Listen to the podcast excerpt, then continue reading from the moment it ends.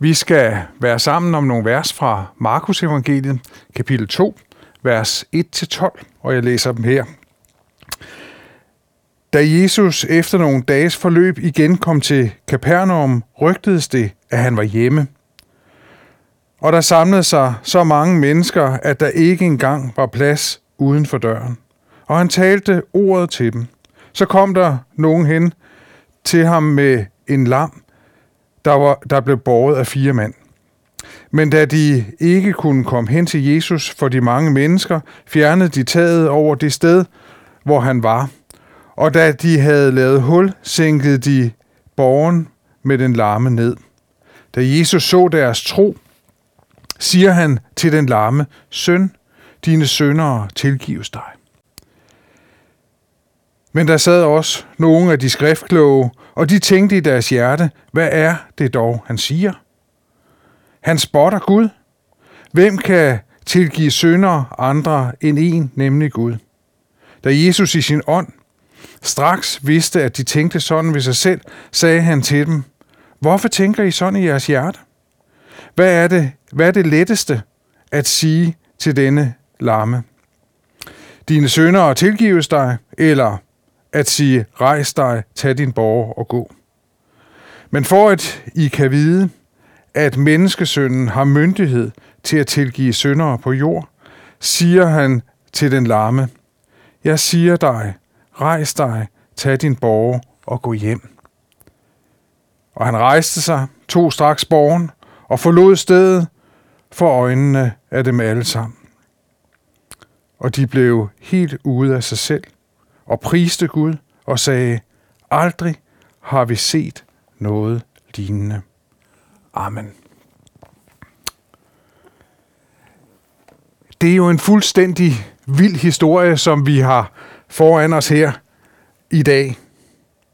Det, der gør den særlig vild, det er jo, at det er virkelighed. Det er jo ikke fiktion, det som, som øh, vi netop lige har læst. Jesus var der virkelig i Kapernaum. De her fire mænd, som vi hører om, de var der virkelig. De lavede virkelig et hul i taget. Den larme mand, som lå der på borgen, han var der virkelig. Folkehavet uden for døren, de var der. De skriftkloge, de var der. Det her er en del af historien, af verdenshistorien. Og vi må bare sige, wow, hold da op en dag, som de fik i Kapernaum, som vi lige netop har læst om. Men udover den her fantastiske hændelse, så har Bibelen bevaret historien også for, så, så vi kan dele den med hinanden nu her i dag.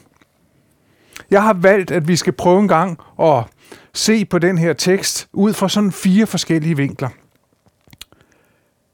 For det første, så, øh, så er der øh, folkets vinkel, kunne man sige. Og for det andet, så skal vi også prøve en gang at se på de her fire mænd, som altså lavede en særlig indsats den her dag. Deres vinkel skal vi prøve en gang at se på. Vi skal også se på den her handicappede mand, som der bliver omtalt. Vi skal se det fra hans vinkel. Og så skal vi se historien også fra de skriftkloges vinkel, som vi også hører om her i beretningen. Men altså først folkets vinkel. Jesus og folket, kunne man sige. Teksten indleder med, at Jesus åbenbart vender tilbage til Kapernaum. Altså, han har været der før. Men efter nogle dages forløb, så vender han tilbage. Markus fortæller om det i kapitel 1 her i Markus evangeliet, altså i, i kapitel lige før vores tekst, hvordan at Jesus øh, kom til Kapernaum. Og da det blev sabbat, så gik han ind i synagogen, og han underviste i synagogen. Og mens Jesus underviste, fortæller Markus, så er der en mand, der er besat af en uren ånd, som begynder at råbe og skrige af Jesus. Jesus kan jo se, at det er jo ikke sådan mandens umiddelbare ondskab, men det er fordi, han er besat. Og Jesus, han påbyder den her onde ånd, urene ånd at fare ud af manden. Og det sker lige på Jesu ord. Til stor forundring for alle dem, der var sammen der i synagogen. Det er sådan det første, vi møder Jesus her i Kapernaum.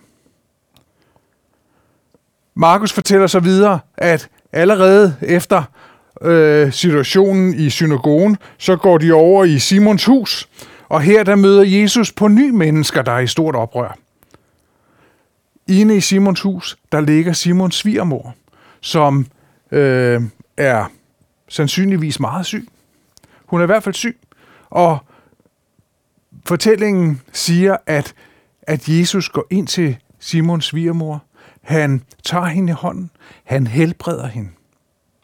Og hun bliver så rask, lige med det samme, at hun kan stå op, og hun kan varte op for folk der i huset, for Jesus og alle de mennesker, der har fulgt med i der.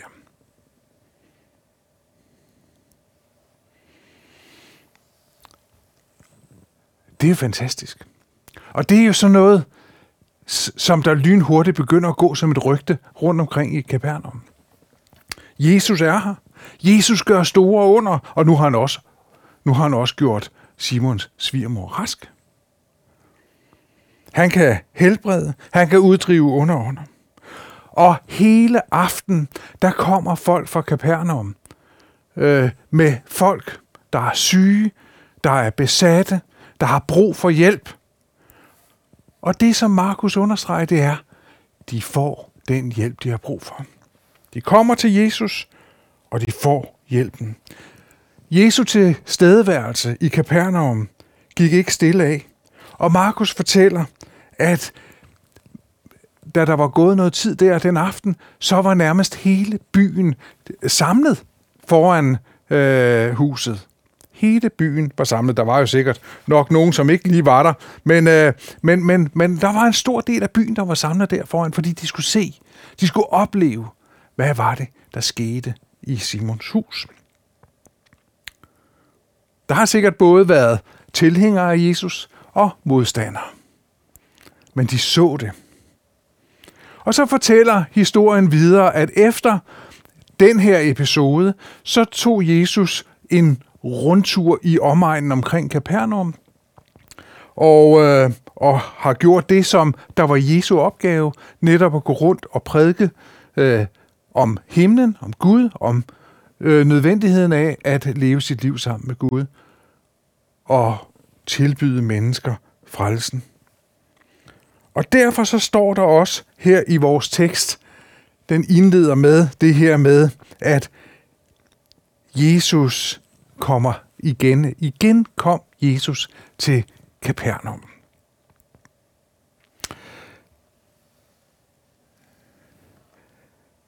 Med det, som de havde oplevet med Jesus, da han var der nogle få dage tidligere, så kan man jo godt forestille sig, at forventningerne til Jesus nu er kæmpe store.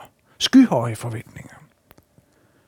Og med det samme, at Jesus han tog ophold i et hus, øh, så begyndte folk at strømme til. Og det er sådan lidt specielt, at der står, at der ikke engang var plads til dem udenfor. Men, øh, men, men jeg tænker lidt, at, at i dag vil vi jo kalde det for et byrum, øh, der er foran sådan nogle, nogle huse, og, og i det byrum, der, der, der altså var foran det hus, Jesus havde taget ophold i, øh, ja, det blev lynhurtigt fyldt op af mennesker, så der var ikke plads til dem alle sammen. Jeg kan se situationen foran mig. Den er kaotisk. Der er mennesker i alle aldre, der kæmper med albuerne for at få de bedste pladser. De har hørt om Jesus, hvis ikke de selv havde oplevet det der nogle dage i forvejen. Og nu vil de i hvert fald stå på første række. Og det er midt i det her kaos, at vi altså møder de her fire mænd, der kommer øh, slæbende med en borger med en mand på. Og det er så vores anden vinkel på teksten. Og jeg må sige, at de her fire mænd er til stor inspiration for mig selv.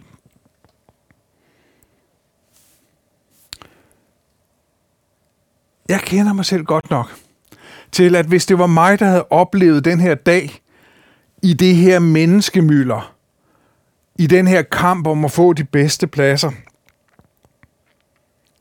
hvor jeg, jeg vil, vil møde mennesker, som, som, som maser sig ind foran, og uanset om de er to meter høje, bare stiller sig foran mig og sådan noget. Jeg, jeg ved med mig selv, at hvis jeg havde oplevet det, så ville jeg tænke, det her, det gider jeg simpelthen ikke. Jeg gider ikke at kæmpe den her kamp for at komme længere frem, og jeg vil nok have trukket mig tilbage, have stillet mig bagerst, og så havde jeg tænkt, så må jeg jo se og høre så meget, som jeg nu kan. Men når jeg så kigger på de her mænd, som er fyldt med iver og brand for at nå deres mål, for at få den handicappede mand, som de har med, for at få ham helt hen til Jesus. Det ser slet ikke ud til, at de på noget tidspunkt overhovedet har, har tænkt tanken at opgive, da de så øh, menneskemyldere. De skulle nå frem til Jesus. Deres tro på, at Jesus både kunne og ville hjælpe den her mand i den situation, han var i, gjorde dem målrettet i deres arbejde. Ja, de vidste, at Jesus kunne hjælpe. Derfor så knoklede de. De tænkte nye tanker. De var kreative. Kreative, fordi de ville nå frem til Jesus. Det var målet. Og det er vildt inspirerende at tænke på de her mænd. Og sikke en følelse, de må have haft, da de har lavet hullet i, øh, i taget, da de har firet den her larme mand ned på borgen og kunne kigge ned igennem hullet og se, yes, vi ramte plet. Han kom ned lige foran Jesus. Hvor godt. Det var det, der var målet med deres indsats. Deres utrættelige indsats. Og jeg tror, der er mange af, af os, der godt kan genkende den her glæde ved at nå et mål. Et mål, vi har sat os, uanset om det er at, at bygge et hus, eller bestige et bjerg, eller, eller øh, lære at svømme, eller køre på cykel, eller tage kørekort, eller hvad det nu end måtte være. Det er bare en fed fornemmelse at nå målet. At se det lykkes. Men jeg tror også, at der også er mange af jer, der ser med her i dag, som kender den her særlige følelse af, at måske have været med i et, i et kristent arbejde, måske et kristent børnearbejde, eller været med på en, en lejr, en kristen lejr, hvor målet har været at, at vise Jesus frem. At føre mennesker til Jesus, sådan så de kunne lære Jesus at kende. Og så måske også se, at der faktisk på den sommerlejr var nogle mennesker, var nogen, som blev glade for Jesus, blev begejstret over livet med ham. Jeg blev frelst. Det er lidt ligesom at sidde oppe i hullet, tror jeg. Og sidde og kigge ned, sådan som de her mænd sad og kiggede ned på manden på borgen. Sidde og kigge ned. Wow, det, der skete det, som vi havde ønsket os, som vi har bedt om. Jesus mødte manden.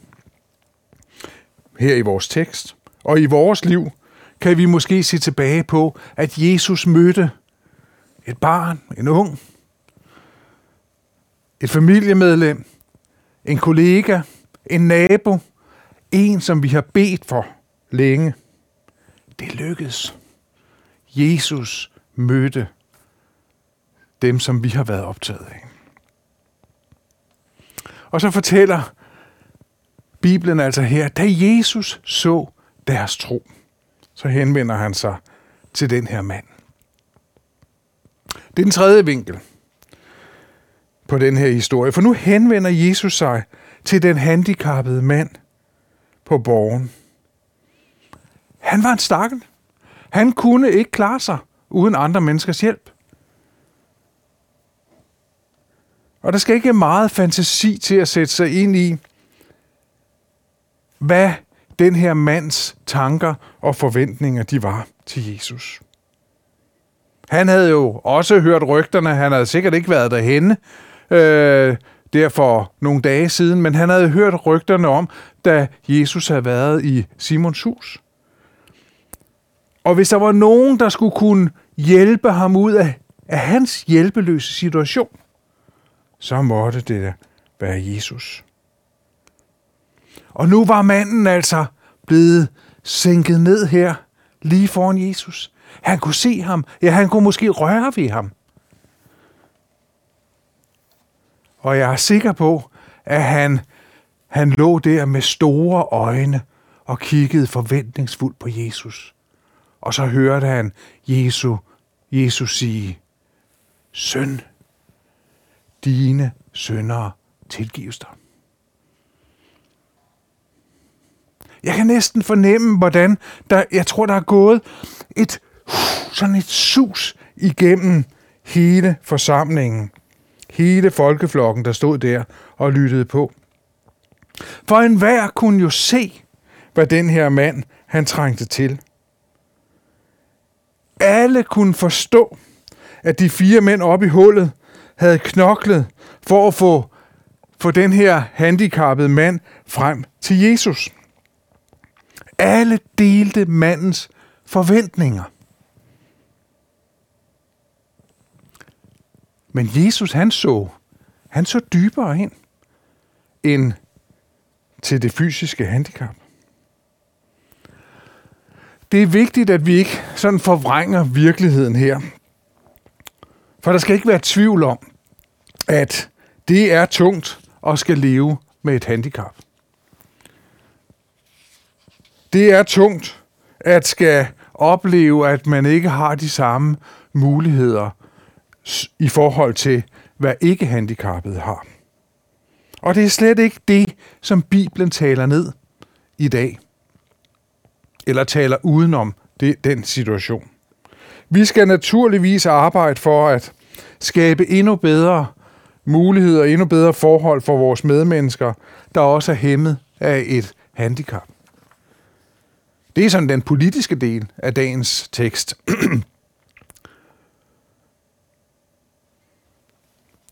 Bibelen støtter ved at lære os, at vi skal elske vores næste, så støtter Bibelen også den her tanke, at vi, vi skal naturligvis arbejde for bedre forhold for de mennesker, som os, øh, de, de medmennesker, som har brug for, for særlig hjælp.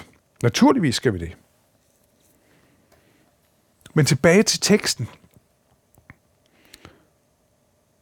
For Jesus ser dybere ind i den her mands liv, end det, som alle de andre, og måske alle vi andre, tænker på. Nemlig det der med de lamme ben. Handicappet. Jesus så her et menneske, der havde brug for synds tilgivelse. For Jesus kender hele virkeligheden. Det er faktisk muligt at have et godt liv, selvom man er handicappet. Når man har fået lov til at modtage tilgivelse for alle syndere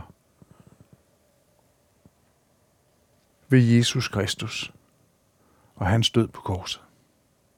Det er nemlig det, der er det vigtigste.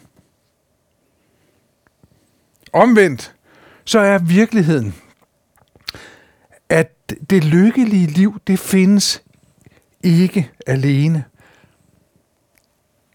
i et liv uden et handicap, for eksempel. Eller et liv med, med penge nok.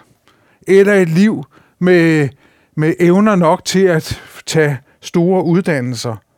Eller en hel masse andre muligheder, som vi kunne tænke os. Måske et, et smukt Øh, Øh, en smukt øh, ydre, sådan så at, at øh, alle synes, man er pæn, for eksempel. Det er der også mange, der går op i. Men virkeligheden er bare, at det er ikke det, der skaber det, ny, det, det, det lykkelige liv. Hvis samvittigheden er tynget af skyld og synd over for Gud og over for mennesker. Det er derfor med fuld overlæg, at Jesus siger til manden, søn, dine søndere tilgives dig. Det var nemlig det, han havde brug for mest af alt. Og så udspiller der sig en, en speciel situation, som leder til den fjerde vinkel på den her tekst. For manden, mens manden her ligger med sine store øjne og kigger på Jesus og hører budskabet, søn, dine sønner tilgives dig. Ja, så er der pludselig nogle andre, der spærrer øjnene op, da de hører det. Det er de skriftkloge. De mennesker, som ofte er beskrevet som Jesu modstandere, og virkelig sådan nogle fejlfindere af værste skuffe. De står der og lytter, og da Jesus siger det her budskab til den larme mand, så tænker de, hvad er det dog, han siger? Nej, de, de siger det jo ikke, men de tænker det. Og jeg er sikker på, at de har stået og skulet lidt til hinanden og lavet øjne til hinanden og tænkt, det her, det må vi sætte en stopper for. Fordi det er jo Guds bespotteligt. Fordi det er kun Gud, der kan tilgive synder. Så langt har de jo ret. Men Jesus er frelser. Jesus er Gud. Jesus ser det her. Han oplever det. Han, han, han kan se, hvad de tænker. Og han stiller dem over for et dilemma. Hvad er det letteste? At tilgive synd? Eller give manden førligheden tilbage ved et helbredelsesunder lige her? Jeg tænker, at lige i situationen, så kan alle mennesker jo sige de her ord. Søn, dine sønder tilgives dig. Lige situationen, så ville det jo, hvis jeg sagde det, så ville det jo være ord. Ingen ville sådan rigtig kunne tjekke effekten på det. Men Jesus understreger sin guddommelighed, sin guddommelige magt, ved at sige til den handicappede, rejs dig og gå hjem. Wow. Det er vildt. Og han gjorde det. Og her kunne de skriftkloge ikke være med. Og han, som altså tidligere en forhenværende handicappet, han rejste sig, og han forlod stedet, for øjnene malte ham. De stod bare og kiggede efter ham. Han går virkelig på de her ben, som han ikke har kunnet gå på før. Der er ikke noget at sige til, at de mennesker den her dag oplevede noget helt fantastisk. Så de blev ude af sig selv, og de priste Gud og sagde, aldrig har vi set noget lignende. Det er, det er altså vildt, når Jesus virker. Når Jesus opsøger mennesker. Og han, han, fører sin, han fører sin vilje igennem. Her til sidst, så har jeg bare lyst til at sige til dig, prøv at, prøv at spørge dig selv, hvordan du møder Jesus. Sådan lidt med den her ramme, som historien giver os, på bagkant af den historie, så prøv en gang at se, hvordan møder du Jesus? Står du bagerst i flokken og ser på? Ja, måske endda som en af de her skeptikere, måske lige frem som modstander. Som fejlfinder. Er det der, du har placeret dig? Eller er du en af dem, der har kravlet op på taget og har lavet hul i taget, fordi nu skal du være så tæt på Jesus, som du overhovedet kan komme? Du skal i hvert fald kunne se noget. Ja, du er villig til at forsere store udfordringer for at nå tæt på Jesus. Er det dig? Eller ligger du der på borgen, hjælpeløs og kigger med store øjne, forventningsfulde øjne, op på Jesus, at Jesus må gribe ind i dit liv. Hvordan møder du Jesus? Det er den ene ting. Den anden ting, som vi så også skal have med her til sidst. Prøv at spørge dig selv, hvordan møder Jesus dig? Du har faktisk fået svaret i gennemgangen af den her korte tekst fra Markus Evangeliet kapitel 2. Lukas koger det også ned i øh, et enkelt vers fra Lukas 19:10, hvor der står sådan her: Menneskesønnen er kommet for at opsøge og frelse det fortabte. Det er nemlig det, det handler om. Det er dig og mig, der er tale om, når der er tale om det fortabte.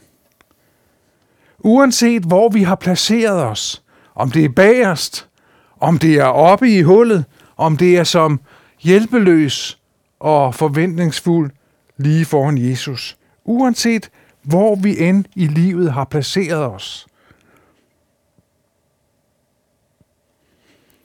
så er Jesus Kristus, menneskesønnen, er kommet for at opsøge og frelse dig og mig.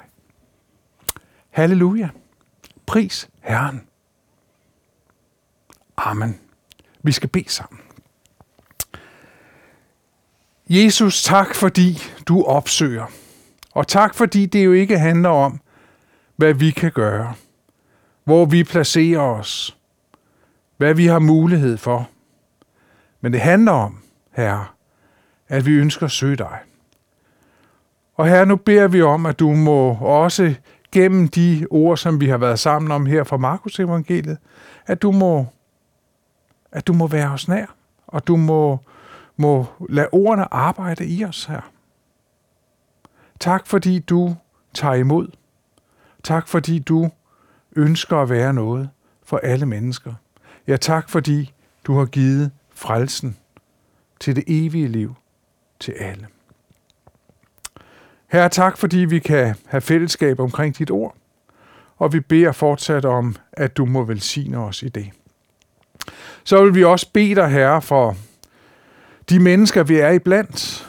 Vi beder dig om, at, at der må være flere, der kommer til at tro på dig, der hører budskabet om dig. Og vi beder for for alt det arbejde, der er rundt omkring i vores eget land, men også i udlandet, hvor vi får lov til at forkynde evangeliet om dig. Tak, Herre, fordi det er noget tid, og tak, fordi du virker. Virk du også i os denne dag. Det beder vi om. I Jesu navn. Amen.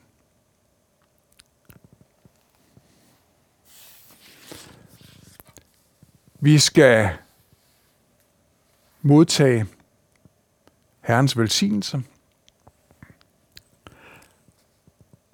Herren velsigne dig og bevare dig. Herren lade sit ansigt lyse over dig og være dig nådig. Herren løfte sit ansigt mod dig og give dig fred. Amen.